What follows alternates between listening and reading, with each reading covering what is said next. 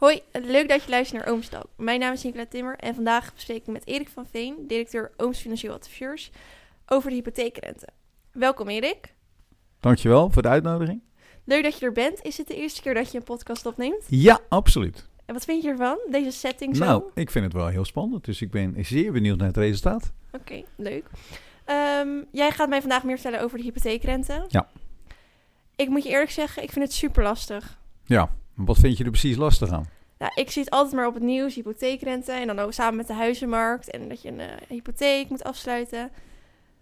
Maar wat het nou precies allemaal inhoudt en eh, hoe het nou precies allemaal zijn werk gaat, vind ik lastig. Ja. Dus ik hoop dat jij mij vandaag daar meer over kan vertellen. Nou, dan laten we beginnen bij het begin. En dat is eigenlijk de vraag, wat is nou hypotheekrente? Ja, precies. Ja, nou, en dat is eigenlijk, dat hou ik dan ook echt simpel.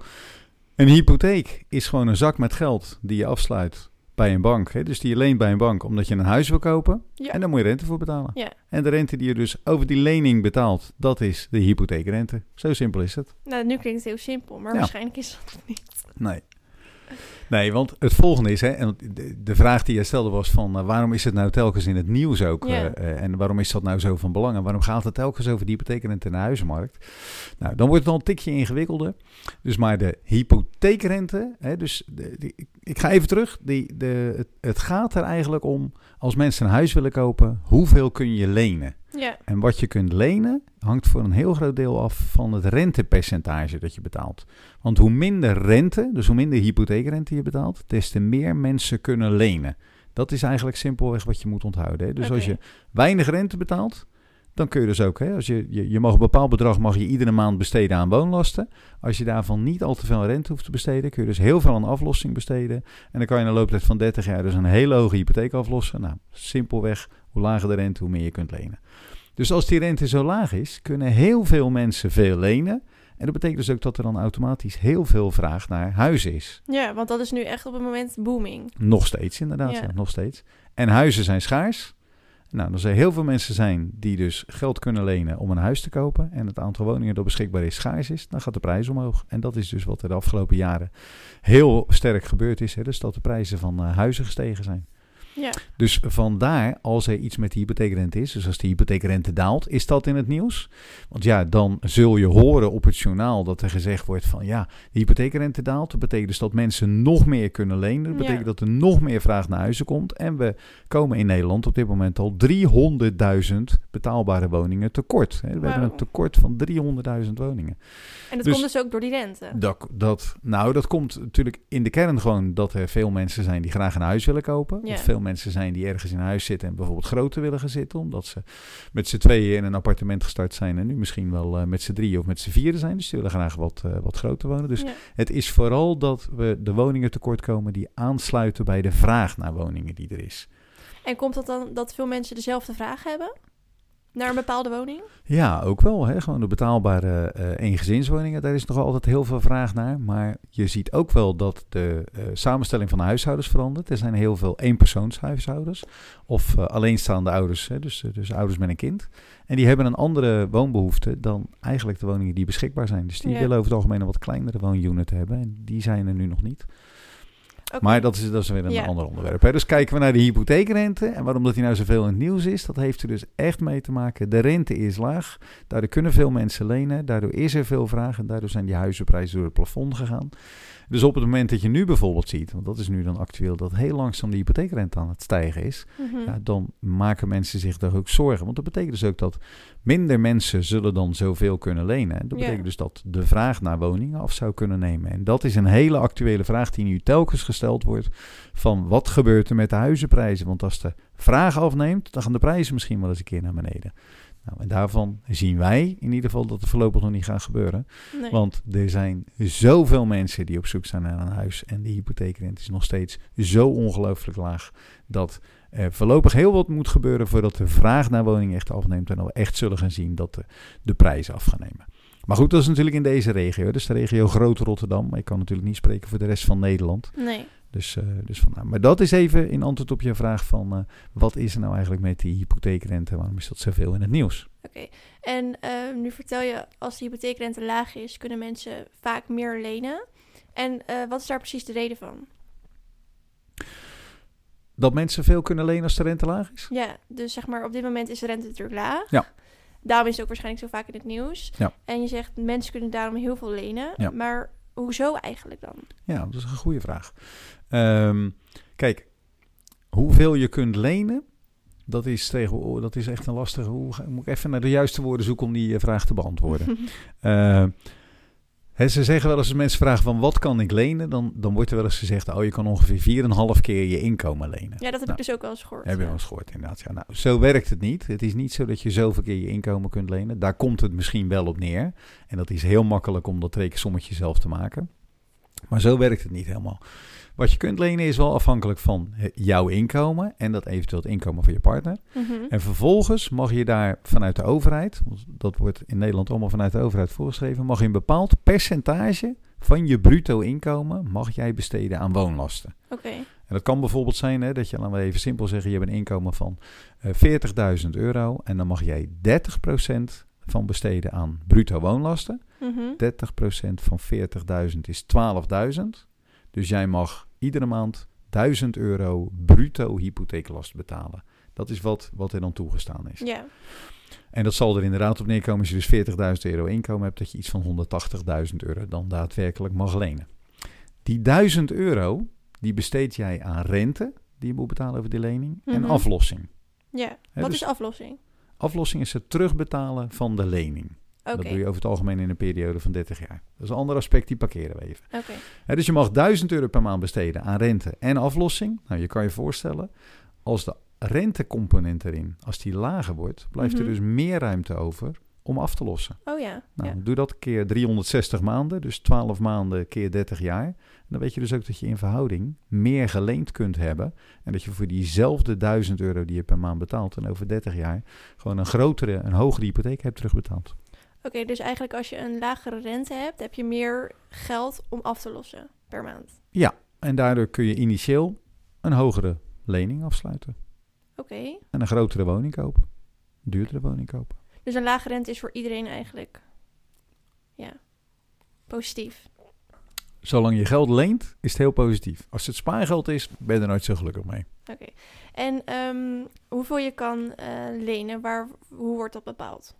Nou, wat ik zeg, dat is dat percentage wat je van je inkomen eh, kunt besteden. En dan Ja. wordt er natuurlijk ook gekeken naar zaken als bijvoorbeeld financiële verplichtingen. Hè, dus eh, als jij, eh, nou, jij zegt zelf, je bent starter, dus je gaat je eerste woning nog kopen. Dan is het van belang dat je bijvoorbeeld een studieschuld hebt. Hè, want als je voor een studieschuld moet je op een gegeven moment ook rente en aflossing betalen. En de euro's die je daaraan betaalt, kan je dus niet besteden aan het kopen van, of aan het betalen van maandlasten voor een hypotheek. Dus je kan het altijd maar één keer uitgeven. Dus eh, studieschulden zijn van belang, maar ook andere financiële verplichtingen. Je ziet tegenwoordig dat heel veel mensen een private lease auto hebben. Dus geen eh, lease auto van de zaak, maar een private lease auto. Mhm. Ja, en eh, die hakt er ook behoorlijk in. Dus de euro's die daaraan uitgegeven worden, kunnen ook niet besteed worden aan een, aan een hypotheek. En dus dat bepaalt ook. Hè, dus dat drukt allemaal de manier om geld te kunnen lenen. Nou, dan hebben we ook nog scheidingen. Mensen die gescheiden zijn, bijvoorbeeld eh, partneralimentatie betalen. Ook Ja. de euro's die je daaraan betaalt, kan je niet aan de hypotheek besteden. Dus het is je inkomen, het is de rente en het is eventuele financiële verplichtingen. Die bepalen wat je kunt lenen. Dus, eh, en, en vervolgens, hè, als we dat allemaal bepaald hebben, dan komt er op enig moment in dat traject dus ook de hypotheekrente weer terug. Mhm. Hè, dus niet alleen voor de bepaling van wat kun je lenen, maar die komt vervolgens natuurlijk ook weer terug dan in. want daar moet je keuzes in maken van wat je met die hypotheekrente daadwerkelijk zou willen. Ja. En, En- hoe werkt dat? Nou, dat is bijvoorbeeld, eh, je gaat eenmaal die zak met geld lenen omdat je dat huis wil kopen. En dan Ja. is van belang bijvoorbeeld van, nou wil je je rente variabel zetten. Hè, dus dat betekent dat die iedere maand herzien kan worden. Of wil je hem bijvoorbeeld in één keer 30 jaar vastzetten. Dus dan weet je dat je 30 jaar lang hetzelfde rentepercentage betaalt. 30 jaar lang dezelfde maandlast betaalt. En vaak is na 30 jaar dan ook die hypotheek helemaal weg. Dus nou, en dan zit er dus alles nog tussen. Dus tussen variabel en 30 jaar zit echt alles tussen. Dus 10 jaar rente vast, 20 jaar rente vast, 25 jaar rente vast. Ja, daar moeten keuzes in gemaakt worden. Ja, en hoe, hoe, ja, hoe bepaal je dat dan? Nou, we, we kijken dus naar het eh, dossier van de klant. Hè. Dus wij kijken natuurlijk naar hoeveel gaat iemand lenen ten opzichte van zijn inkomen.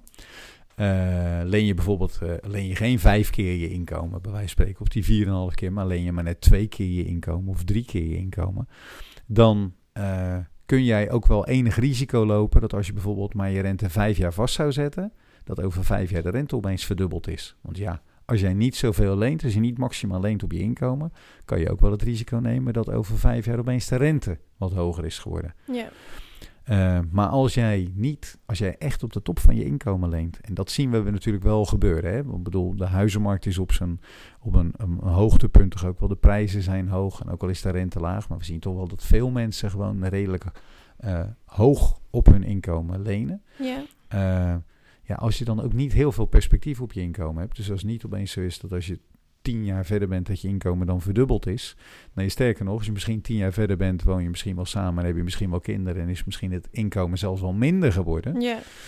Um, dan moeten we dus ook heel goed opletten dat we, als we de rente dan bijvoorbeeld maar tien jaar vast hebben gezet, dan weet je dat je tien jaar lang dezelfde rente betaalt. Maar na die tien jaar krijg je een verlenging en dan ga je de dan geldende rente betalen.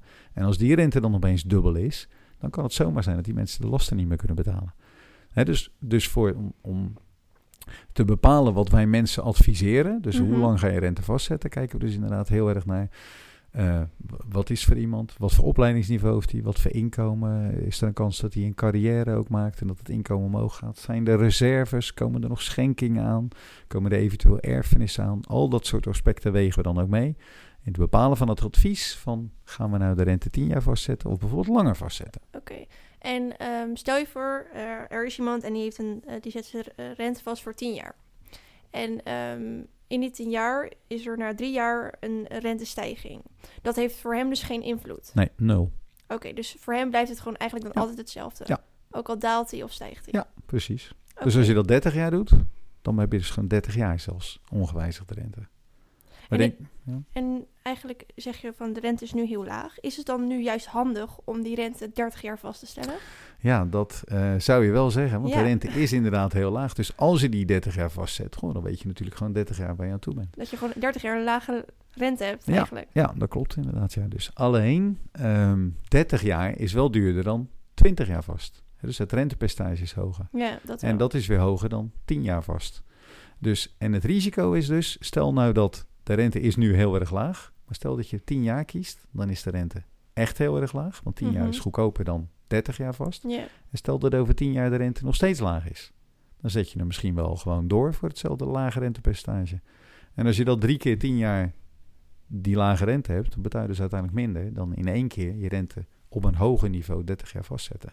Hm. Hè, dus het risico is altijd, als je hem lang vastzet, ja, ja, dat je hebt dan misschien ook als denk je hem vast te zetten op een heel laag percentage. En dat is nu zeker inderdaad het geval. Maar je loopt wel natuurlijk het risico dat de rente tussentijds nog verder zou dalen. Ja, en dan loop je die rentedaling mist. Want als je eenmaal een contract hebt afgesloten voor 30 jaar, zit je er ook 30 jaar aan vast. dus het is eigenlijk wel een heel riskant spelletje. Behalve als je weer gaat verhuizen. Oh, Want als je gaat verhuizen, mag je vaak je oude hypotheek gewoon kosteloos afscheid van nemen. En dan sluit je gewoon weer lekker een nieuwe hypotheek af. Dus als je nu een hoge hypotheek hebt en je rente staat nog lang vast, wat zou je dan eventueel kunnen doen? Verhuizen. Verhuizen. Dat klopt inderdaad, ja. ja. Nee, dat is één ding. Je kan je hypotheek ook oversluiten, maar dan moet je bij de meeste banken een boete betalen. Dus dat noemen ze een boeterente. Dus dan moet je je rentecontract afkopen. En ehm, om te bepalen dus ehm, hoe lang je zo'n rente gaat afsluiten is best wel ingewikkeld. Ja. En daarbij helpen jullie dan. Ja, dat is echt, eh, dat is echt ons werk. Hè. Dus om in te schatten inderdaad ook niet zozeer te schatten, maar echt te bepalen gewoon aan de hand van iemand zijn financiële positie, iemand zijn kennis en ervaring, risicobereidheid, doelstellingen. Dat zijn de vier elementen die we dan meenemen om te bepalen wat is nou naar onze mening het, wat iets wat het beste bij jou past qua hypotheek. En uiteindelijk beslist de klant, hè? Ja. Dus dat is natuurlijk altijd wel van belang. De, de klant die beslist, maar wij geven wel een advies wat in deze situatie gewoon het best past. En dat raad je natuurlijk ook mensen aan om dat te doen. Ja, je kan ook zelf je hypotheek afsluiten op het internet en dan allemaal lekker zelf keuzes maken. Maar echt een hypotheek, het is, ja, we zeggen eens, het is geen pakje boter. Maar dat moet je echt niet zomaar zelf op het, eh, op het internet af gaan sluiten. Want je loopt allerlei risico's dat je hypotheekrente niet aftrekbaar is. Dat je hem misschien inderdaad wat te lang vast, vastzet, terwijl dat onzin is. Dat de voorwaarden niet goed zijn. Dus dat je denkt dat je je hypotheek mee kunt nemen en dat dat helemaal niet kan. Of niet binnen de periode dat je kan. Dus allemaal heel erg ingewikkeld. Dus, eh, dus ik zou altijd zeggen, eh, kom bij voorkeur naar ons toe. Hè, wij zijn eh, onafhankelijk adviseur. En wil je niet in ons komen, kies dan ieder andere willekeurige adviseur. Maar ga het niet zelf zitten doen op het internet in ieder geval. Oké, nou ik ben na deze paar minuten een stuk wijzer geworden wat betreft hypotheekrente. Dankjewel hiervoor. Graag gedaan. En mochten jullie nou luisteren en nog verdere vragen hebben omtrent dit onderwerp, mogen jullie altijd contact opnemen met Ooms. Ja. Ja, absoluut, absoluut. En we kunnen altijd, hè, misschien ook nog leuk om even iets over te vertellen ook, van de gesprekken. eh, die kunnen bij ons plaatsvinden eh, op kantoor. Alleen op dit moment doen we dat eh, liever wat minder gewoon persoonlijk. Dus wij hebben nu de mogelijkheid om bijvoorbeeld via schermdelen, hè, dat mensen op, op ons scherm mee kunnen kijken, via Mhm. de webcam kunnen doen. En de gesprekken kunnen overdag plaatsvinden, in de avonturen plaatsvinden. En zo'n gesprek is altijd binnen korte termijn in te plannen. Oké, nou dus eh, mocht je ook ge- eh, geïnteresseerd zijn in zo'n gesprek, neem contact met ons op. Erik, ik wil jou heel erg bedanken voor, eh, voor, je, ja, voor dit gesprek. Jij bedankt voor de vragen. En iedereen bedankt voor het luisteren.